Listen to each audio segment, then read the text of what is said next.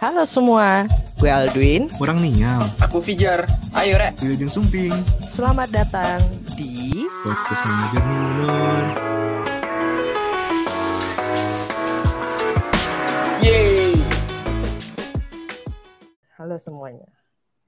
Kembali lagi bersama uh, kami di episode baru kami dengan menemani nuansa Ramadan yang sepi-sepi banget ditemani oleh adikku. Halo. Di sini Fijar di rumah atau di planet lain sih di Bekasi. Oh, iya. oh iya iya iya. Eh, iya. Uh, jadi gimana Ramadannya? Nuansa Ramadannya kali ini di Bekasi bagaimana? Di Bekasi uh, ya sedih sih karena biasanya kan terawih tuh ya kan terawih ke masjid ya kan main sarung sama anak-anak kecil tuh walaupun udah gede tapi tetap ikutan main seru. Tapi sekarang udah gak ada kan sedih sih. Oke, baik. Terima kasih rekan Pijar dari Bekasi. Kita hari ini episodenya agak nyeleneh ceritanya. Kira-kira kenapa tuh nyelenehnya, Dek?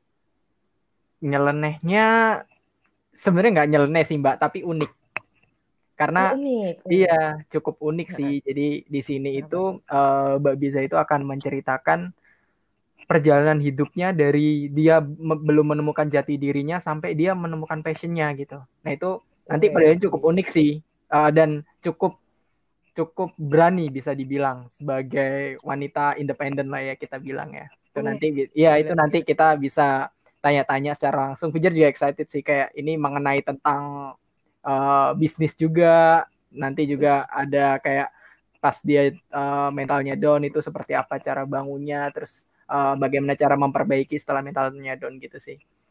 Aduh, enak nih pasti ngomongin duit tuh pasti aku semangat untuk bisa sekaya dia nih saat ini gitu loh. Oke, okay, uh, eh, kita bisa diundang aja kali ya nih uh, mbaknya karena tamunya ini sebenarnya salah satu pendengar setia kita loh gitu.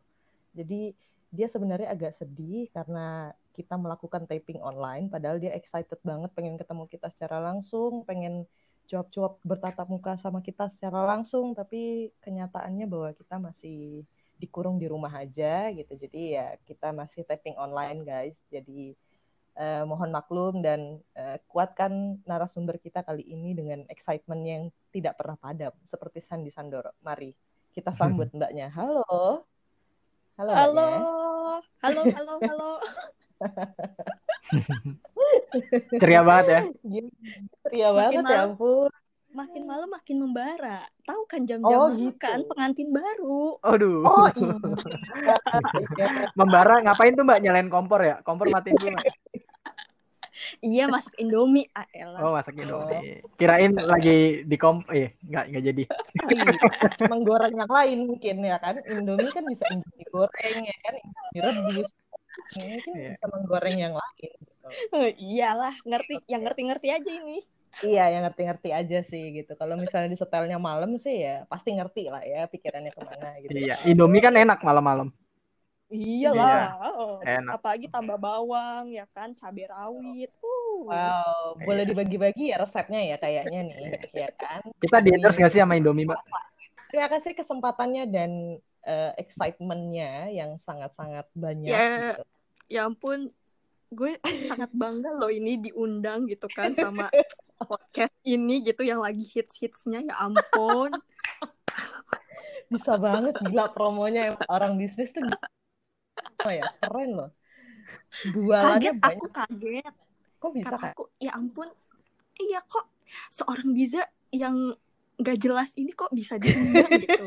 Gitu loh mau ditanya apa? Kan nggak jelas gitu. Nggak jelas makanya mbak perlu dijelasin kita undang tuh supaya mbak bisa bisa ngejelasin gitu loh. kalau udah jelas apa yang mau dijelasin ya kan? Iya. Menjelaskan menjelaskan ketidakjelasan gitu ya. Iya dong. uh, jadi supaya semua orang nggak usah jelas aja sekalian gitu kan. Karena uh, mbak Biza ini merespon merespon dari episode Ratna kemarin yang soal gue sama Ratna itu linear dan liar. Nah, hmm, iya iya iya iya benar-benar. Biza itu adalah salah satu kaum liar yang memang benar-benar pro jadi hmm. kaum liar gitu. Nah, kira-kira liar.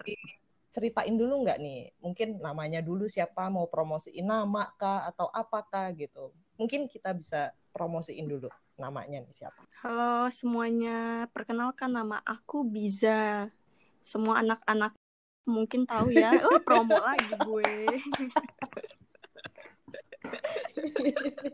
Bilangnya ini aja Mbak, les-lesan bahasa Inggris. Iya. Oh, les-lesan gitu. Nah, Iya. Yang buat yang udah kenal, yang belum kenal, perkenalkan nama gue Biza. Asal usul ya nggak jelas sih sebenarnya ya asal usulnya. Em, ini sangat sangat excited loh sampai grogi nih mau ngomong apa gitu ya kan. Aduh. Padahal tinggal ting- tinggal jawab pertanyaan doang dia sampai grogi loh. Padahal kita tidak bertatap muka loh. Kenapa coba? ya mungkin eh, buat yang udah kenal eh, bisa dibilang mungkin pada mikirnya gue anak yang aneh kali ya. Ini kok orang kayak kerjanya apa? Mungkin mereka pada bertanya-tanya gitu. Ini orang kerjanya apa sih ya kan? Yang lain pulang pulang kerja les pada pakaian rapi gitu kan. Gue pakai ya segitu kan yang pada tahu tuh ala kadarnya kayak gitu. Tuh. Baju urban, baju urban. nggak jelas dari dari atas dari atas sampai bawah itu tuh mixnya nggak jelas gitu ya kan Iya iya iya iya. iya. Mm-mm. Tapi Biza tuh orangnya sederhana Iya. banget ya dek ya. Kita bisa kelihatan lah dia tuh kayak gimana tuh Mm-mm. bajunya gitu kan fashionista banget sih sebenarnya dia gitu. Tapi yang aku lihat sih dia biasanya bawa baju, ganti Mbak. Jadi habis dia seolah sederhana, habis itu ganti baju. Habis itu dia Oh, koyak-koyak gitu. di sini. Iya, biasanya gitu Mbak bisa. Oh, Klarifikasi dulu nih Mbak, bener nggak kayak gitu Mbak? ini ini fitnah di Oh, podcast out ini oh itu soalnya Pijar pernah lihat gitu kayak loh Mbak bisa di les-lesan pas datang nyantai gitu kan kayak ya udah kayak anak biasa gitu kan. Terus Eh. habis itu pas malam-malam kan beda lagi gitu pas lihat Instastory. Oh, itu gue gitu. ngompol Oh, itu keren gue sih. ngompol di celana Oh, itu gue gitu. ngompol di celana Oh. jadi ganti Oh ganti, oke oke. Mm-mm. Iya. Bawahannya doang ya berarti ya. Oke, baik. iya Iya. Jadi sebenarnya apa sih yang orang lain tuh harus tahu nih? Kenapa Biza tuh pro banget nih sama kaum liar? Emang dulunya tuh Biza tuh kuliahnya apa, terus kerjanya apa gitu loh. Karena kan mungkin kaum-kaum liar tuh ingin mendengarkan gitu loh, untuk bisa disuarakan gitu. Apa sih kira-kira dulu tuh? back in history ya ini ya berarti ya Iya dong, ha-ha. jadi gue itu awalnya itu kuliah jurusan kesehatan masyarakat public health ya kan Anjay. eh, gue tipikal anak yang saat kuliah itu termasuk ya termasuk yang rajin dan termasuk yang eh, gue punya planning di dalam pendidikan gitu. Kayak oke gue harus patokan gue harus lulus setiap mata kuliah minimal B gitu kan. Wah, pokoknya gila. harus lulus setiap setiap setiap setiap mata kuliah gue harus lulus setiap semester gue harus lulus gue nggak boleh ngulang. Dan itu memang memang alhamdulillah selama kuliah itu eh, meskipun rintangannya memang ya tahu kan rintangan anak perkuliahan itu seperti apa gitu kan ya kan. Tapi gue berusaha buat struggle gimana caranya supaya gue eh, lulus tepat pada waktunya saat itu. Nah udah saat lulus seperti kebanyakan mahasiswa yang lulus baru-baru lulus pada umumnya gue mulai membuat CV gue mulai kirim-kirim. Hmm. dan gue ngirim itu sekitar 300 dan menggunakan pos Gila. Kalian bisa bayangkan betapa kerasnya dunianya Biza. dan masih gue simpen sampai sekarang Tuh. gue masih simpen sampai sekarang semua surat eh, lamaran pekerjaan gue ke setiap perusahaan itu di laptop gue makanya gue sampai sekarang masih ingat jumlah eh, surat lamaran kerja yang gue kirim by post Itu aja modalnya udah kayak bisnis ya Mbak ya untuk ngiri untuk apply kerjaan iya ya. kan harus ya harus invest dulu dong Aja. Iya sih. Wow. Iya sih Wow. invest. Cuman Iya gimana sih. ya Mbak ya itu bener-bener kan eh, kertas ya kan terus dimasukin amplop dikirim Nah. ke perusahaan. ya karena gini zaman sekarang eh, kebanyakan itu pertama lawan maksudnya lawan kita ya maksudnya di dalam kita mencari pekerjaan gitu ya pertama itu keberuntungan juga ada tuh Mm-mm. yang kedua itu orang dalam coy Bener, bener banget, bener banget, bener banget. asli. Gue gue gue mampu tapi kalau misalnya ada orang yang lebih mampu lebih lebih dalam. tuh lebih lebih mampu untuk masuk ke dalam perusahaan tersebut ya gue bisa apa gitu kan. Tapi gue lebih berpikir kayak gini oh mungkin bukan rezeki gue saat itu oke. Ya udah gue terima Hmm. kayak gitu loh. Jadi gue selalu berpikir kayak setiap gue belum mendapatkan pekerjaan gue selalu berpikir positif oh itu bukan rezeki gue di sana berarti gue eh, berarti tempat tersebut perusahaan tersebut eh, nggak cocok buat gue gue selalu merasa kayak gitu sampai di titik gue mendapatkan pekerjaan setelah gue setahun menganggur Gila. Tahun itu tuh nganggur. satu setahun tuh karena memang jurusannya itu eh, jarang lowongan pekerjaannya atau gimana mbak? sebenarnya banyak ya cuman eh, karena waktu itu gue ngambil kesehatan masyarakat dan gue ngambil peminatan itu keselamatan kerja dan kebanyakan kebanyakan keselamatan kerja itu yang lebih banyak diserap itu laki-laki terutama di proyek ya Bener, bener banget. karena karena K3 memang banyak dibutuhkan di proyek-proyek Karena memang itu lapangan banget ya. selain di perusahaan-perusahaan Hmm. selain di selain di industri Hmm, hmm, hmm. Nah, selain di industri. Jadi eh, waktu pertama gue dapat pekerjaan pun itu gue dapat perusahaan eh, pengelolaan limbah B3 dan perusahaan tersebut tuh baru baru berdiri. Eh, jadi gue masuk kerja, perusahaan itu pun baru berjalan. Itu benar-benar gue yang fresh graduate terus gue mempunyai tanggung jawab sebesar itu gitu untuk untuk eh, penanganan K3-nya di perusahaan tersebut. Berarti Tuh. berarti bisa hitungannya bekerja di perusahaan start tapi tidak up gitu kan. Kalau startup kan Iya, keren gitu kan. Tapi kalau ini kayaknya start down. Hmm, benar. Iya, iya, iya. Iya, Berarti benar, itu perusahaannya benar, hidup benar, dari project yang dia menangkan dari tender gitu ya mbak ya. Terus Nah, habis itu benar, dia, benar, eh, benar. hidup dari situ doang gitu. Berarti bisa dikatakan nggak settle kan? Nah, iya benar. Dan benar-benar ujian di pekerjaan pertama gue itu ujiannya bukan cuma fisik tapi mental juga gitu karena gue berhadapan dengan banyaknya pekerja yang memang kebanyakan mereka kerja itu eh, ya taunya kerja doang Hmm. bukan nggak mikirin keselamatan mereka Yang gitu minumnya extra jus sampai tumpah-tumpah gitu ya mbak ya. ya pokoknya bahkan gini loh maksudnya gue udah gue setiap hari gue selalu briefing mereka soal keselamatan kerja dan itu tuh eh, pembahasannya selalu berbeda-beda tetapi berkaitan dengan eh, lingkungan pekerjaan saat itu. Di briefing berkali-kali tetap aja gue Bandel. harus sabar benar-benar sabar.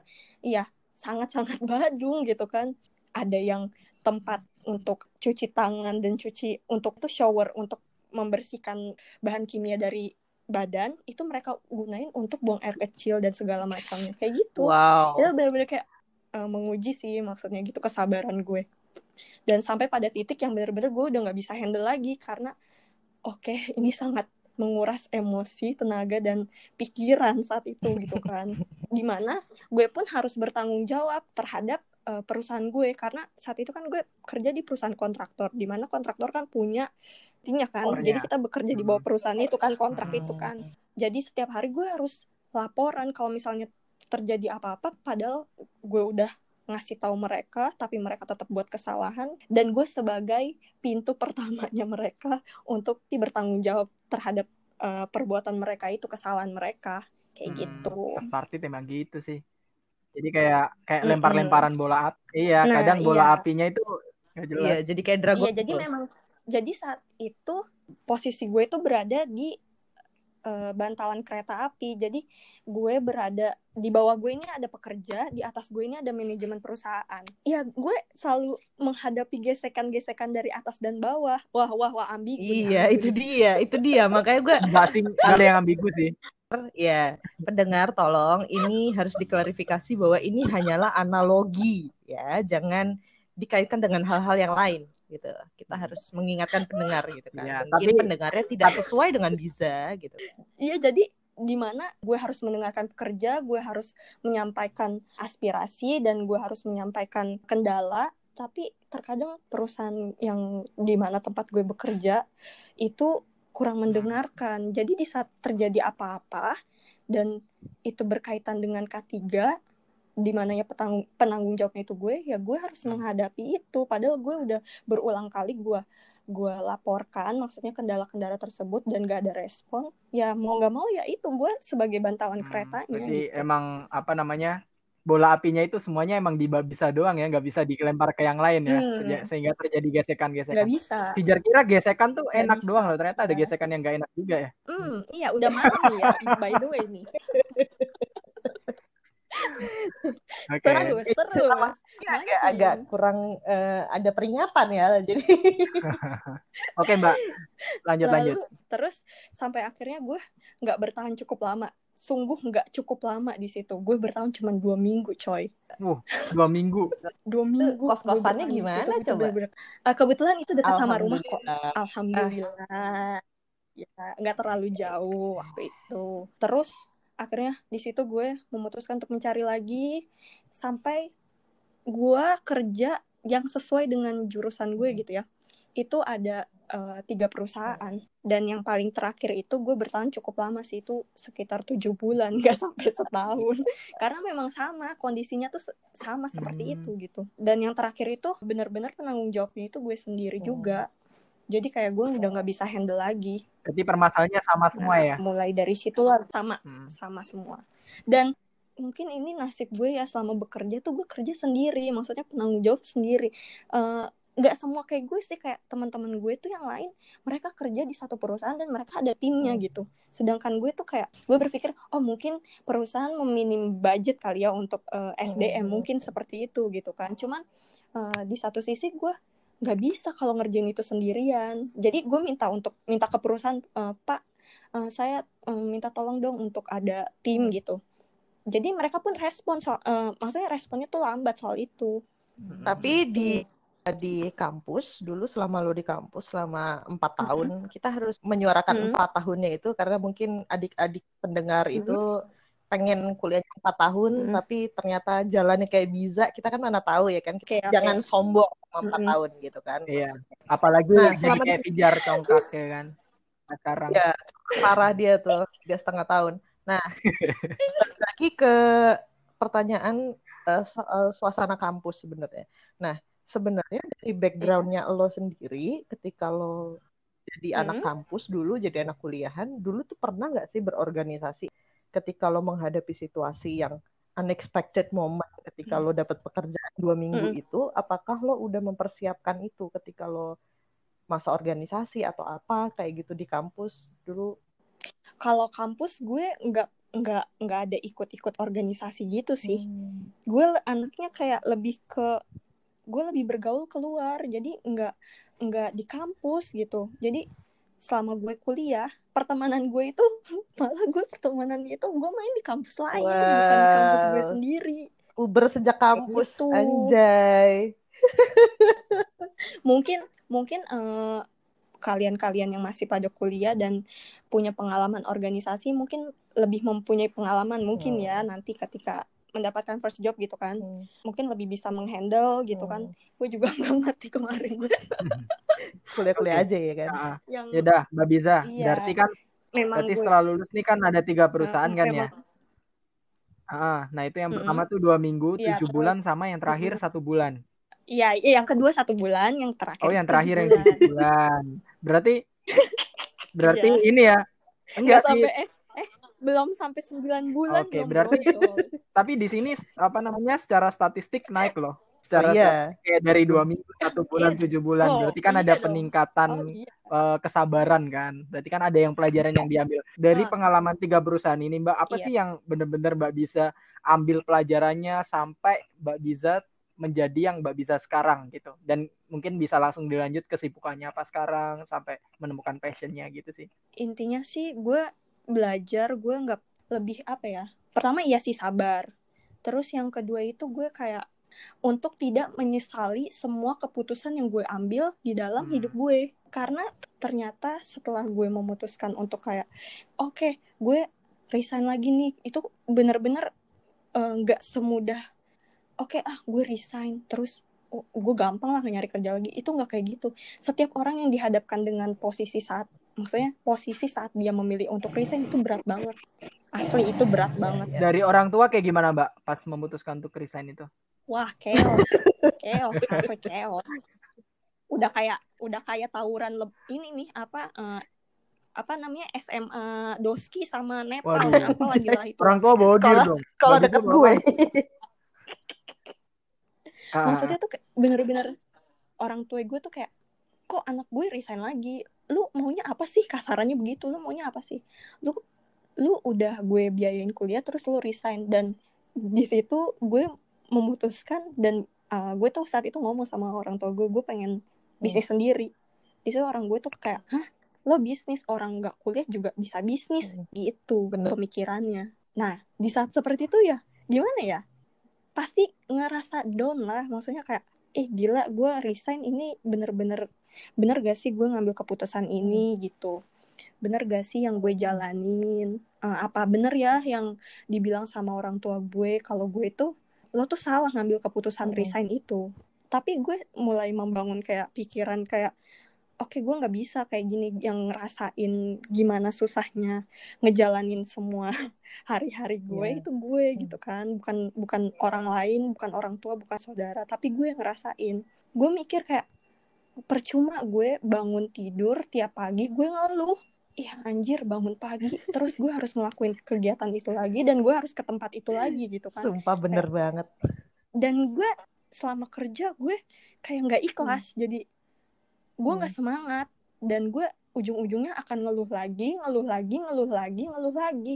Dan itu kayaknya gue kayak ngebuang-buang waktu gue ngeluh-ngeluh kayak gini gitu. Jadi di situ gue mulai berpikir gue mau gimana caranya gue stop untuk Hmm. ngeluh jadi di situ gue mulai beraniin diri membangun kepercayaan diri.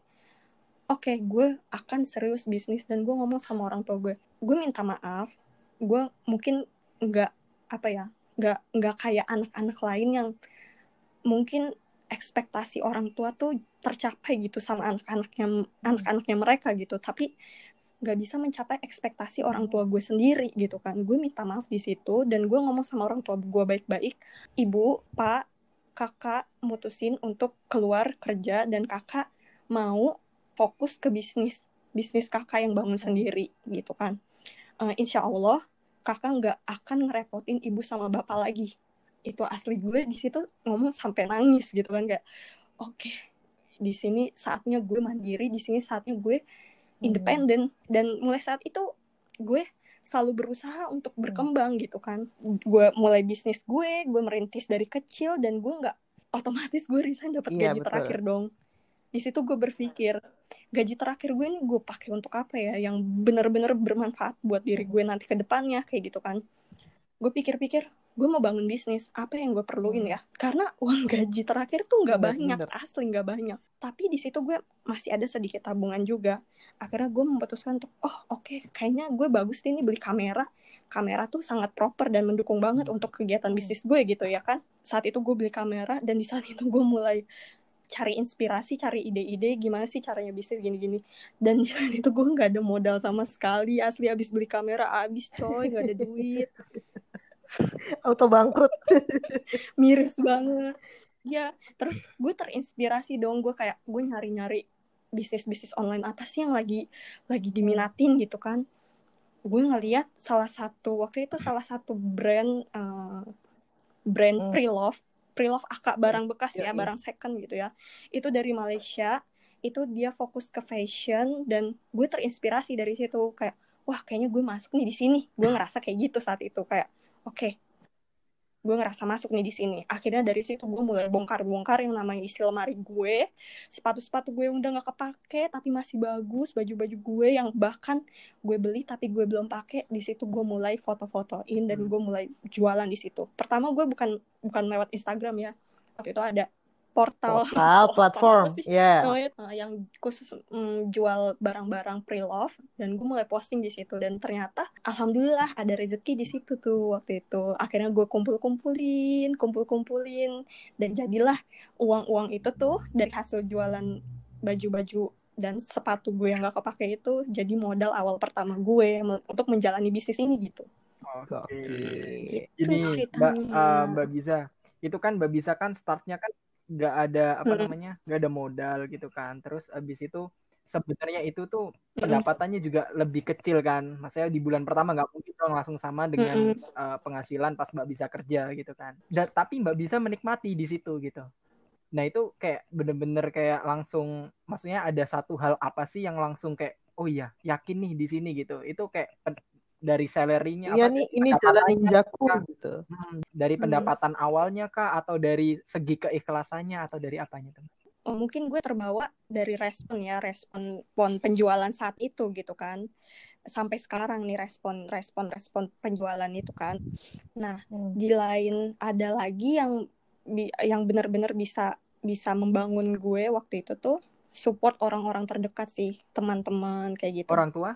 Orang tua saat itu belum mensupport belum, kak. belum. masih masih setengah hati. Bahkan nggak ada setengah deh. Kayaknya bener-bener seupil banget itu waktu itu. Kayak masih Oke, oke, masih oke. masih apa ya? Masih nganggap sebelah mata lah gitu Berarti yang bener-bener waktu Tetap eh, apa namanya bikin Mbak bisa kuat buat ngejalanin bisnis ini itu dari support teman-teman terdekat ya. Iya sahabat-sahabat jadi Sahabat-sahabat. saat itu gue juga nggak punya barang nggak punya barang untuk dijual Itu gimana? karena waktu itu gue gue pernah eh, dari modal awal itu gue berusaha gue usaha untuk ikut bazar waktu itu Bazar. Itu barang-barangnya ambilnya dari mana, Mbak? beberapa. Kebetulan sekarang banyak banget yang jual-jual ini pre-love. Awal-awal sih gue ngiderin ini yang jual-jual barang second itu di sekitaran daerah rumah gue. Jadi gue masukin tuh satu-satu, gue otak-atik, gue obrak-abrik Oh, tuh iya, satu iya. toko. Mbak bisa pernah nggak eh, apa namanya? Mbak bisa pernah nggak kayak apa namanya pas ada sholat jamaah di masjid gitu sandal-sandal fotoin aja tuh Mbak. Banyak tuh. Iya, kan second. Iya, kan? saya kan Eh, sandal-sandal di masjid tuh. Kalau kalau kalau kalau kalau gue kemarin tuh lebih kayak gue dari bazar gue kenal Nggak sama bisa serius beberapa loh. orang dan Jumatan ya. Iya, Jumatan, pas sholat jamaah gitu kan banyak tuh Mbak sandal-sandal tuh. Iya. Fotoin aja. Udah dipakai. Udah Kan dipakai. pre-love Ketika kan. udah masuk, sudah sujud, sudah sedang sholat, Mohon maaf, diambil, mohon dijual. maaf itu iya jadi gue kenal sama mereka gitu yang benar-benar maksudnya tuh satu jurusan lah sealiran gitu kan sealiran nih Uh, udah kenal mereka kayak uh, open open sama gue terus udah lu fotoin aja nih barang-barang gue. Nanti uh, dari hasil barang yang lo bisa jual nanti lo dapat uh, sekian persen kayak gitu. Jadi dari situ gue bisa uh, mengumpulkan modal lagi. Gitu. Hmm, berarti dan itu itu benar-benar support sih maksudnya support dari orang-orang terdekat yang yang gue kenal. Mm-mm. Berarti saat ini untuk saat ini eh, Mbak bisa bisnisnya kan udah lumayan lama nih Mbak. Udah berapa lama nih bisnisnya? Dari tahun dari 2018 2018 sekarang 2000 berapa sih 2020, kan 2020. Wow. Wow. Saking- Jangan-jangan lo lupa ya, lo pernah nikah. Mungkin lo pernah nikah di tahun lalu, lupa ya? Iya, yang disentul itu gitu loh. Tahun lalu loh. Ini Gimana ya? ini ini corona efek corona Oh, coba efek corona, ya, baik. up. banyak nggak tahu hari deh Ba- sama tanggal Iya, benar, benar banget. berarti dua Iya, tahun ini udah eh, Mbak Biza eh, merasa struggle-nya itu di tahun pertama atau sampai sekarang sa- sekarang kan udah bisa dibilang eh, statusnya bisnisnya Mbak Biza ini seperti apa di introduction kah? Masih R&D kah? Atau udah di level growth yang berkembang udah tahu arahnya mau dibawa ke mana gitu? Em, sebenarnya kalau sekarang eh, tetap masih eh, banyak harus belajar ya, Eh, tapi memang kondisinya alhamdulillah, maksudnya dari situ udah eh, sam- di titik yang ini tuh gue udah bisa kayak eh, oke banyak banyak mi- peminat yang titip jual barang, titip jual barang second gitu kan, kayak sepatu, terus eh, baju, ya kadang eh, mereka juga titip barang jual yang eh titip barang mereka titip barang mereka itu yang baru-baru jadi nggak second juga. Nah jadi udah ke tahap itu sih. Jadi mereka udah tahap trust. Eh, karena karena menurut gue membangun trust itu yang susah ya. Maksudnya dalam Hmm. suatu bisnis trust itu tuh bener-bener kayak memang susah gitu jujur aja itu susah banget membangun trust suatu bisnis itu tapi untuk saat ini alhamdulillah bisnis gue itu udah mencapai titik trustnya para customer Itu sih. Anjay. berarti Oke, oke, custom- oke, oke. berarti udah udah brandnya udah bener-bener apa namanya udah bener-bener cukup dikenal lah ya terus untuk saat ini Iya, Mbak, itu kan alhamdulillah. pre-love tuh pasti sekarang juga lagi hype juga sih kayak jual barang-barang pre-love gitu Mbak bisa pernah nggak sih kerja sama sama kayak artis atau apa gitu? Atau pernah ditawarin? Eh, kalau kerja sama enggak sih. Eh, bahkan alhamdulillahnya dari bisnis ini ada beberapa maksudnya public figure, public figure yang kak apa ya apa sih namanya tuh kayak minat gitu sama barang Hmm. dagangan gue gitu kayak besok bazar ya gitu tiba-tiba DM nih dan gue kaget siapa nih yang DM wah ternyata dia gitu kan wah besok bazar ya Eh, gue besok mau datang nih ke sana ke bazar itu nanti ketemu ya tolong keep barang yang ini ya ini ntar gue ambil di Oh. sana kebetulan besok gue ke sana kayak gitu jadi dari situ dia datang gue minta foto dan gue post dan langsung dari situ tuh maksudnya eh, reaksi reaksi dari customer atau Hmm, followers gue tuh Berawal makin dari Seperti ordal, itu akhirnya bisa menimbulkan ordal-ordal yang Mm-mm. lain. Anjay. Ya, ini keren sih, Gila. ini keren sih. Jadi jadi kayak nggak apa ya maksudnya nggak gue yang langsung kayak kak bisa tolong nggak promotin gitu enggak alhamdulillahnya eh, selama berjalan dari awal dan gue ikut-ikut bazar eh, followers meningkat dan ada beberapa public figure yang Hmm. memang follow dan mereka Hmm. kayak tertarik gitu terus eh, mereka bahkan sampai beli barang gue gitu barang dagangan gue beberapa beberapa barang dagangan gue yang emang apa sih maksudnya eh eh, mereka minatin dan mereka post loh gitu di akun Instagram mereka sendiri jadi itu benar-benar ngebantu banget sih waktu itu Oke, kita Mbak Giza. lanjut nih. Nah, ini aku ada pertanyaan nih Mbak Alwin nih. Mm-mm. Mungkin Apa tuh? Apa tuh? Mbak Biza Apa ini tuh? kan Apa tuh? Apa tuh? eh, jadi jadi Fijar ini kan kuliah jurusan bisnis. Sampai sekarang. Fijar kan kerja nih, Mm-mm. kerja di perusahaan. Sempet ada gitu Mm-mm. kayak pernah coba-cobain bisnis. Pas kuliah malah pas kuliah itu cobain bisnis, tapi ba- pada bangkrut semua gitu kan. Karena kalau di kuliah Mm-mm. itu bisnis itu kan berawal dari studi kelayakan bisnis ya yang mana rata-rata itu based on teori terus kalau semisal nggak layak jadi kayak ya udah gitu. Pas pendapatan Mm-mm. pertama nggak layak nggak dijalanin. Gimana sih cara kayak tetap tetap Iya nih, apalagi kan lu kan sama banget nih kayak anak IPA kan dulu yang ngapalin hal-hal berbau kimia, fisika, apalagi kan kalau K3 kan fisika banget nih. Terus gimana caranya untuk mengelaborasikan studi kelayakan bisnis secara nyata gitu loh. Kan kagak ada tuh lu kuliah kayak begitu gue juga gitu kan. Tapi kita cuan-cuan-cuan-cuan iya. sikat ya kan. Gimana tuh? mungkin ah, mungkin bisa saranin juga kayak maksudnya Fijar sekarang kerja gitu terus resign aja bikin Hmm. bisnis atau gimana tuh mungkin Gila. ya kan bisa ngeyakinin ya kan Ikuti jalan ninjamu seperti Biza. Anjay. atau harus ditentang sama orang tua dulu? Kalau gue secara teori soal bisnis agak kurang paham sih ya. Maksudnya kayak gue tahu bisnis itu seperti apa. Secara cover bisnis tuh harus kayak gimana sih gue jalanin? Itu apa-apa yang gue pahamin aja ya maksudnya gue jalanin gitu kan. Tapi intinya sih kalau gue dari gue gitu kalau kita mau memulai bisnis jangan sampai kita Hmm. berpikir bisnis itu untuk mencari untung Wow, sih aku ternyata salah selama ini. Aku Berarti- carinya iya. cuan-cuan-cuan aja. karena bisnis itu maksudnya nggak selamanya jalannya mulus-mulus aja itu nggak banget itu nggak ada yang jalannya bisnis mulus-mulus aja jadi harus siap rugi harus siap kehilangan apa yang diekspektasikan tapi gimana caranya kita ngehandle maksudnya kayak dari diri kita sendiri oke ini hanya ujian ini hanya kerikil bulir-bulir upil ya kan yang menempel perjalanan bisnis gue. Dan gue harus tetap fokus.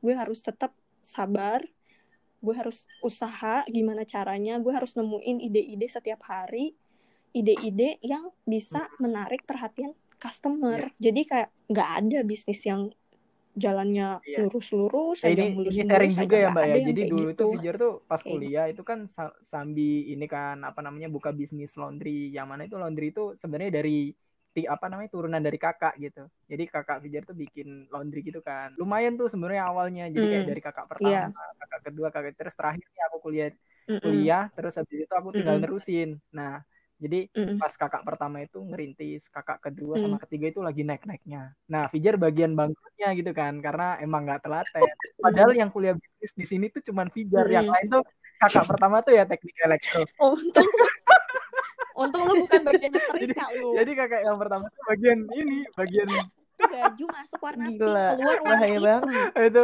Iya kan itu bener-bener kayak Tahu. yang kakakku pertama itu bagian eh, apa kayak kalau di Jawa itu namanya babat alas jadi benar-benar buka jalan terus sampai oke. yang ketiga tuh nambah mesin, nambah pengering. Terus pas aku kuliah, kuliah Mm-mm. jurusan bisnis lah ya, administrasi bisnis, which is itu bener-bener belajar bisnis gitu, ngelola duit, belajar akuntansi. Tapi di situ malah kayak aku, Mm-mm. aduh kok kok nggak untung ya. Iya. Jadi kayak buat bayar karyawan, listrik segala macem tuh nggak pernah untung. Kayak ngepres terus gitu. Ini ya? Malu-maluin teori aja Ya emang ujung-ujungnya, nih. Aduh, ujung-ujungnya aduh. rugi rugi rugi eh bangkrut gitu. Nah itu tuh berarti kan gimana ya? Berarti kalau menurut gue sih ini dari awamnya gue yang maksudnya nggak sekolah bisnis ya. Itu tetap kita harus bikin planning. Maksudnya kayak nggak cuman oke gue ada modal. Oh gue bisa beli ini, gue bisa beli ini, bisa beli ini, bisa beli ini. Enggak Hmm. gitu. Maksudnya tetap harus dipikirin eh, marketnya itu ke mana.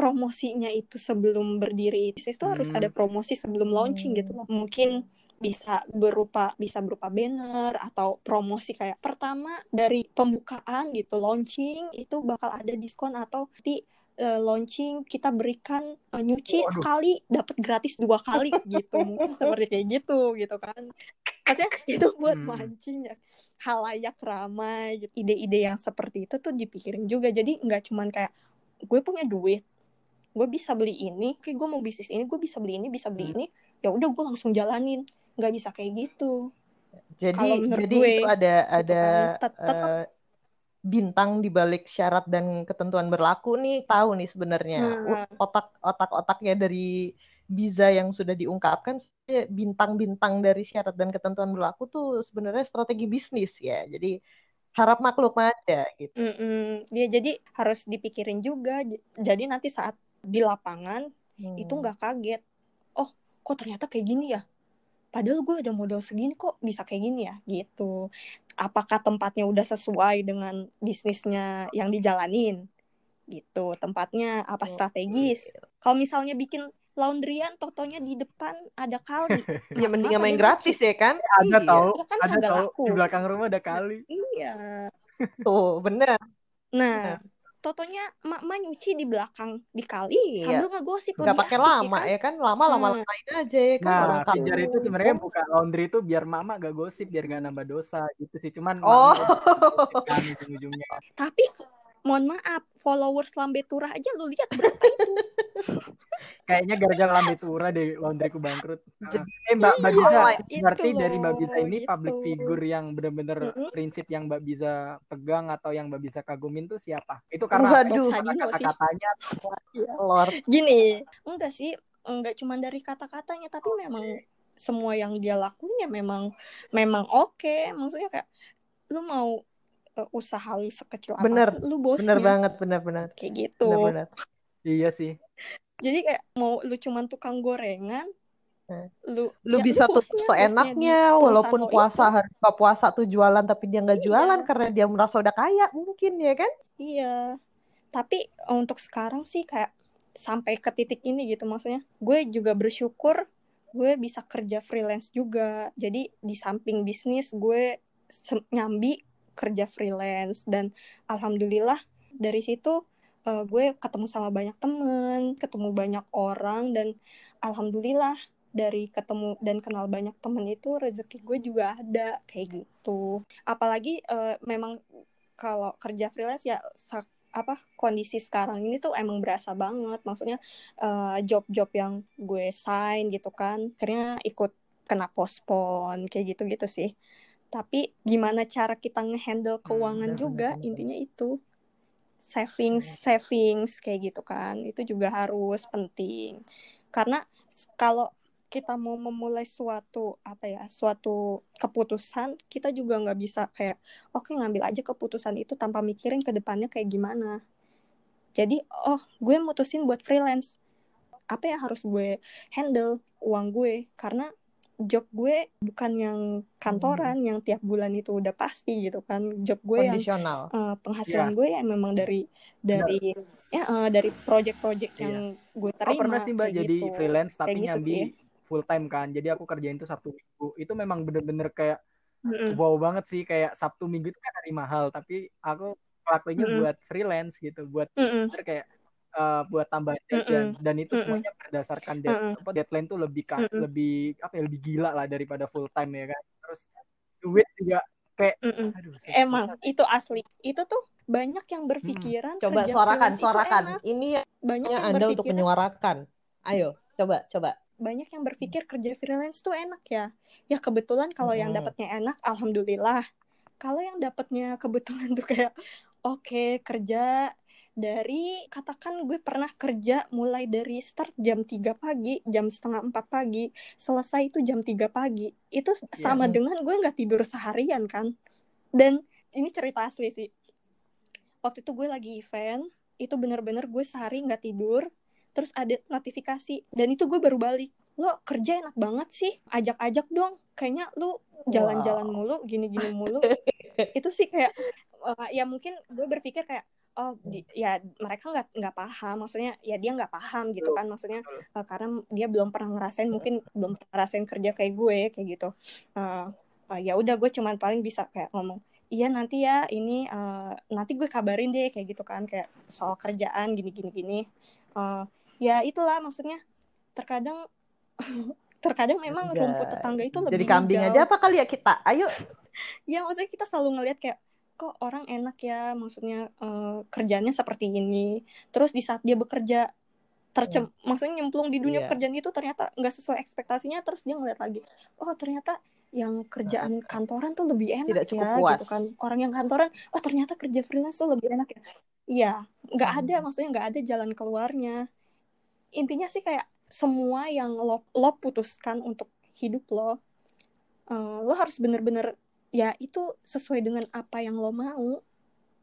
Jangan kayak gue yang kerja ternyata kerja di perusahaan ternyata gue kayak begitu-gitu kan. Maksudnya kayak ngeluh ngeluh ngeluh akhirnya nggak enjoy. Ternyata itu bukan keputusan final gue ternyata Iya. oh jalan gue di sini gitu jadi.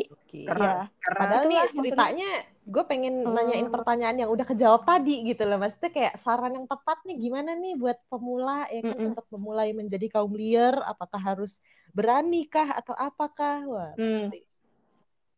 Jadi gini sih kayak gue tahu banget pasti semua ngerasain deh baru lulus kuliah satu satu angkatan oh temennya ternyata yang ini udah dapat kerja duluan yang ini juga udah dapat kerja gitu. Sedangkan posisinya mungkin ada di antara kita yang kayak kok gue belum dapat dapat kerjaan? gitu kan. Gue ngedown. Terus gue kenapa sih? gitu kan. Kayak gue stuck gitu.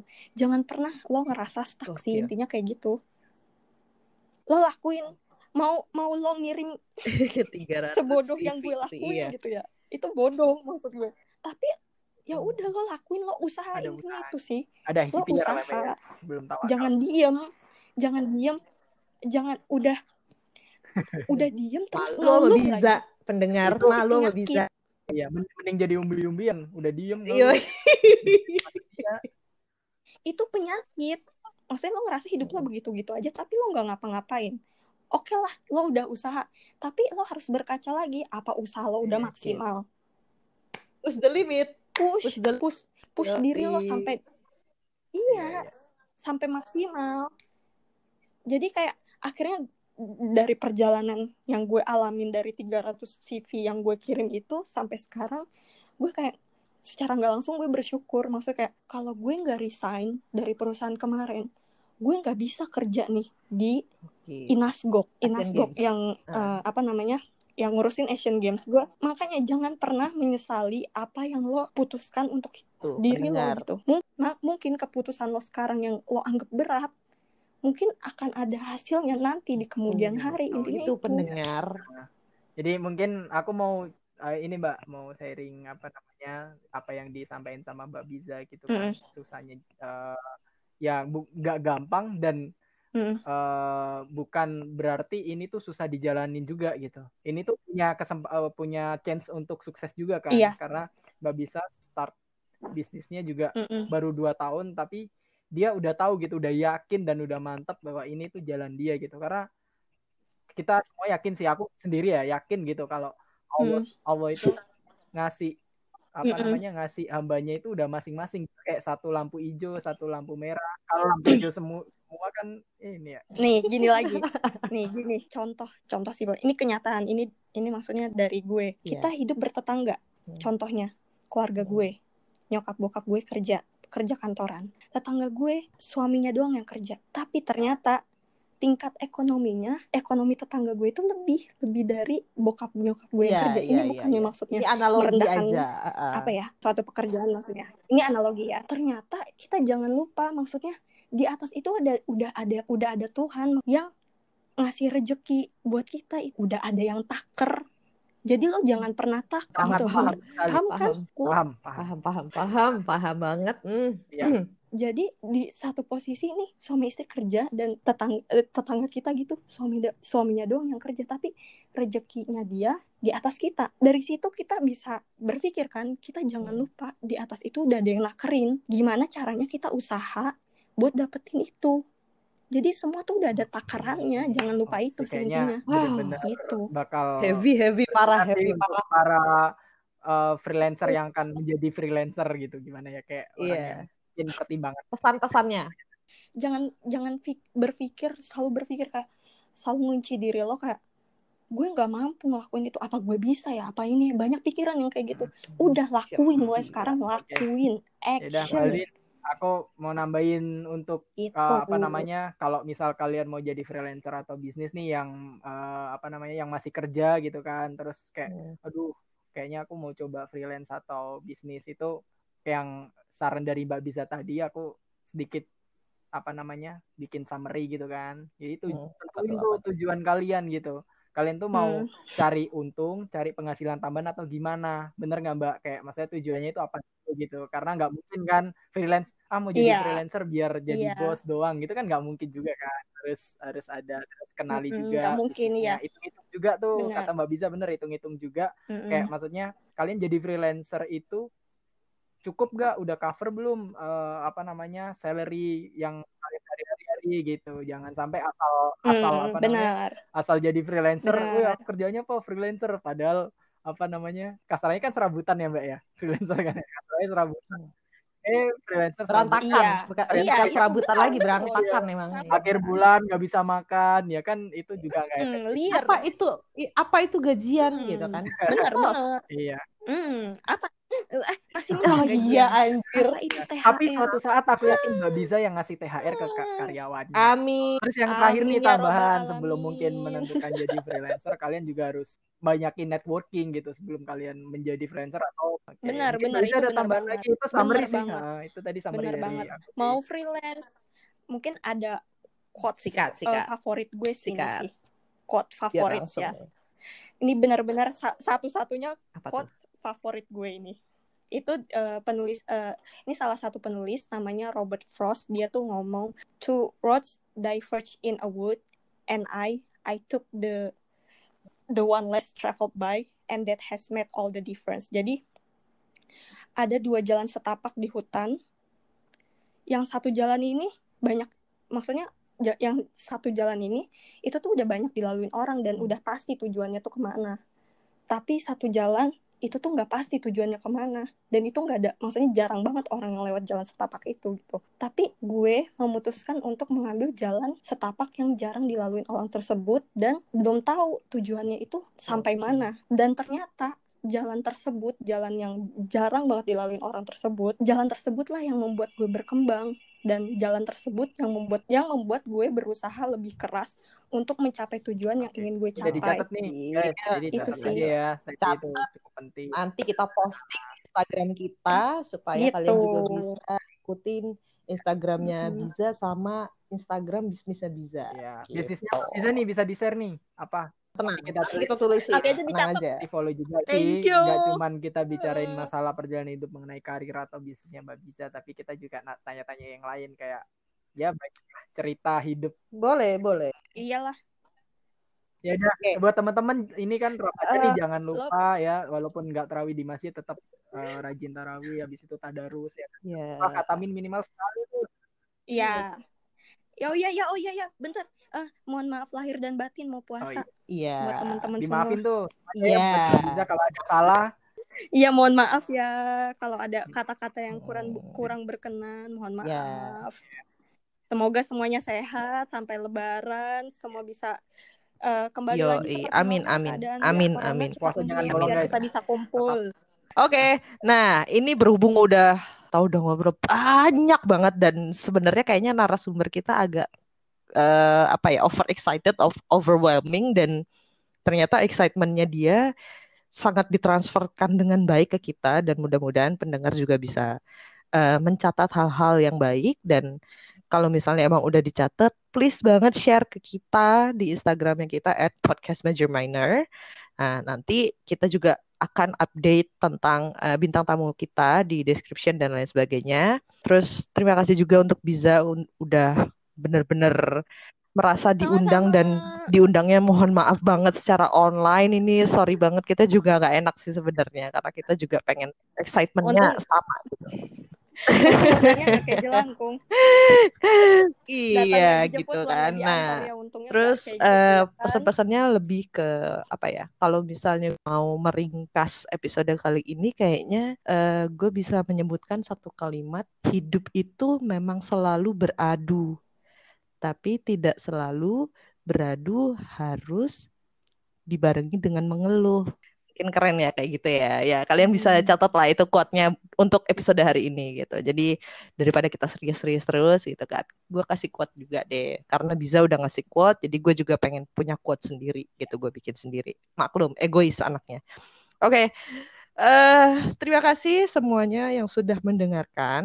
Eh Aldwin pamit, Fijar pamit, dan Biza pamit. Selamat menunaikan eh, Ramadan yang hikmat dan penuh kesunyian ini. Gitu. Semoga Ramadannya bisa lebih lancar karena nggak bisa ada bukber ya. Eh, mudah-mudahan semuanya sehat-sehat di rumah. Bye-bye. Bye bye semuanya. Amin.